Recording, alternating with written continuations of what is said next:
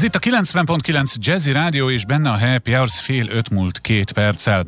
Egy olyan beszélgetést fognak most hallani a kedves hallgatók, amely akár meg is ihleti önöket, sőt tulajdonképpen valahol majd a segítségüket is kérik, hogy miben és miért. Arról beszélünk tehát most Barabás Géza festmény szakértővel, aki a Kispesti Barabás Antik vezetője, és itt van a vonalban. Üdvözlöm! Jó napot kívánok a kedves hallgatóknak! Mielőtt belekezdenénk a beszélgetésbe, engedje meg, hogy egy nagyon rövid történetet elmondjak. Tavaly volt a vendégünk itt a rádióban, Gyöngyösi Bence, aki a Béres József életéről készült film rendezője volt, és elmesélte, hogy a stábtagok, amikor kiderült, hogy a 60-as, 70-es, 80-as évekből származó kellékek kellenek a forgatáshoz, szinte behorták otthonról azokat a dolgokat, amik bepasszoltak a filmbe. Akkor jutott eszembe, hogy milyen jó lenne ezeket összegyűjteni, és erre azt olvasom, önkormány önkormányzatoknál, intézményeknél, sőt szakszervezeteknél kallódó szociál festményeket és tárgyakat keresnek, keres ön. Valószínűleg az indítatása nem ugyanaz, mint nekem, de honnan jött az ötlet, hogy ezeket érdemes lenne összeszedni? Hát egyébként maga a film csodálatos volt, hagyd tegyem hozzá, Ez így édes jó szólt. Nagyon értékes, és tényleg megmutatta azt a korszakot, amiben éltek a szüleink, nagyszüleink. Ugye akkor éltek a szüleink, nagyszüleink, és boldogultak, szenvedtek, örültek. Tehát ezt a korszakot is ismernünk kell, mert a nemzeti emlékezetünk része. A szocialista rendszer támogatott művészi témája volt a munkások és a parasság életének mindennapos munkájának bemutatása. Sokszor hatalmas vásznakon vagy szobrokon.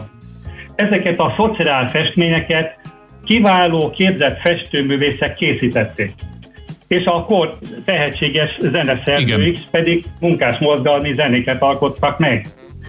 A szocialista eszmerendszer, a diktatúra, a történelem szebén dombjára került ugyan, de az akkor készült művek, munkásparaszti életképek, festmények ma is a művészi értékkel bírnak. Ez korlenyomat. Így van, ez korlenyomat. Uh-huh. Így van. Tehát ennek a felismeréseként szeretném összegyűjteni, megvásárolni az önkormányzatoktól, szakszervezetektől, minisztériumoktól, magánszemélyektől a kallódó, ismeretlen helyen lévő művészi értékkel bíró műveket. Nem csak a kor támogatott művészei, kismesteri által készített kallódó festményeket, hanem a korszak tiltott, tűrt kategóriába sorolt uh-huh. festőművészek alkotásait Igen. is keresem, hiszen így lesz teljes az adott korszak művészete. Ez így van. Például egy, egy ilyen mellőzött művész volt, Takács István festőművész, aki a Matyóföld kedvel és a katolikus egyház sokat foglalkoztatott művésze volt. Ő, ő egy szerencsés, mert 1992-ben egy múzeumot alapítottak mezőköves, mezőkövesden a fellert képeiből. De sajnos a legtöbb kismester alkotása ami ebben a korban született, 1945-től a 60-as évek elejéig eltűnt. Nagyon kevéssel találkoztam. Uh-huh. 23 év találkozom intenzíven festményekkel, és az ebből a korszakból származó paraszti életképek és munkás mozgalmi képek, sajnos nagyon kevéssel találkoztam, ezért gondolom, hogy bizony... Valahol ezek, megvannak. Valahol ott valahol lesznek megvan. ezek, igen, csak Pontosan. nem tudunk róla. Azt hadd kérdezzem meg, hogy, hogy talált már ilyet, tehát alakul ez a gyűjtemény, van már benne egy-két pár darab, mert ugye noha a tartalmuk miatt esetleg megmosolyogjuk ezeket a képeket, de ettől a művészi értékük és a korlenyomat, vagy hát a történelemhez való hozzáadott értékük megvan. Van már önnek pár ilyen? Elindult a gyűjtés? Igen, elindult. Érdekes módon kereskedőktől vásároltam ilyen e, műveket, ennek a kornak a jellemzője volt a monumentalitás, ezzel is hirdetve a párt nagyszerűségét. Uh-huh. Mindent nagyban készítettek, festményeket, szobrokat, bármit.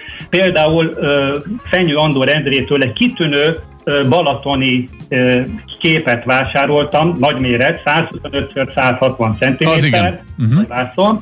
és a tavaszi napsütésben dolgoznak a szövetkezeti tagok, és kapálják a szöllőt háttérben a Balaton. Én azt hiszem, hogy ez ma is nagyon szép dísze a lakásnak. Uh-huh. Abszolút.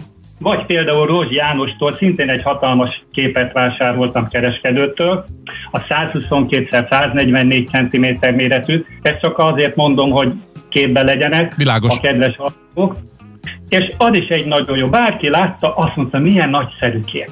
Nem is gondoltam volna, hogy egy ilyen szociálképet ennyire megérint megérint az embereket. Ugye, a, Aztán, igen, miért csak, hogy a, a kedves hallgatóknak adjunk kézzel fogható tanácsot is, ha mondjuk ellátogatnak a barabásantik.hu oldalra, és mondjuk van ilyen képük, akkor az oldalon keresztül például önnel felvehetik a kapcsolatot? Természetesen igen, és nagyon szépen köszönöm, hogy lehetőséget kaptam arra, hogy elmondjam, hogy szeretném összegyűjteni ennek a kornak a, a kulturális emlékeit. Ez roppant izgalmas téma, persze, hát még szép, hogy teret adunk neki. Sikerül, szeretnék ki télen ebből egy kiállítást rendezni, vagy ha tényleg valóban sok felajánlás érkezik megvételre, tehát nem ingyen keresem, hanem ezeket uh-huh. megvásárolni, akkor egy dokumentumfilmet is készítünk a kezdetektől egészen a gyűjtés végig, a kiállítás kezdetéig. Hát nézze, ez egy akkora időszakot felölelő anyag, és annyi minden lehet, ki tudja hol az országban, itt a fővárosban, ugye mi fővárosi rádió vagyunk, tehát elsősorban a fővárosi kedves hallgatókhoz szólunk, hogy talán ezt felmérni sem lehet, és mindegyik kép, mindegyik tárgy valami történetet mesél, szóval anyaga bőven lesz, hadd mondjam el még egyszer a kedves hallgatóknak, ha úgy érzik, hogy van olyan kifejezetten szociál témájú, kallódó festmény, tárgy, amire ha ránéznek, azt mondják, hogy hát hát ezt talán nem tenném ki a falra, de mégis ott van, akkor a barabásantik.hu oldalon felvehetik a kapcsolatot, méghozzá Barabás Géza festmény szakértővel, aki a vendégünk volt az elmúlt percekben. Én sok sikert kívánok önnek a gyűjtéshez, és én úgy érzem, hogy lesz itt annyi minden, hogy mi még találkozunk itt az éterben, mert amikor ez a gyűjtés befejeződött, ön majd mesél róla. Legyen így? Nagyon szívesen, örömmel, örömmel, és ne felejtsük el, hogy valóban a rendszerváltás környékén azért a gyárakból, üzemekből, párthelyiségekből, munkás mozgalmi helyiségekből, egyesületekből rengeteg került magántulajdonba. Bizony, Tehát és ezek, igen, és ezek ott kallódnak. Jó egészséget kívánok a gyűjtéshez, és örülök, hogy beszéltünk viszont hallásra. Nagyon szépen köszönöm, viszont hallásra.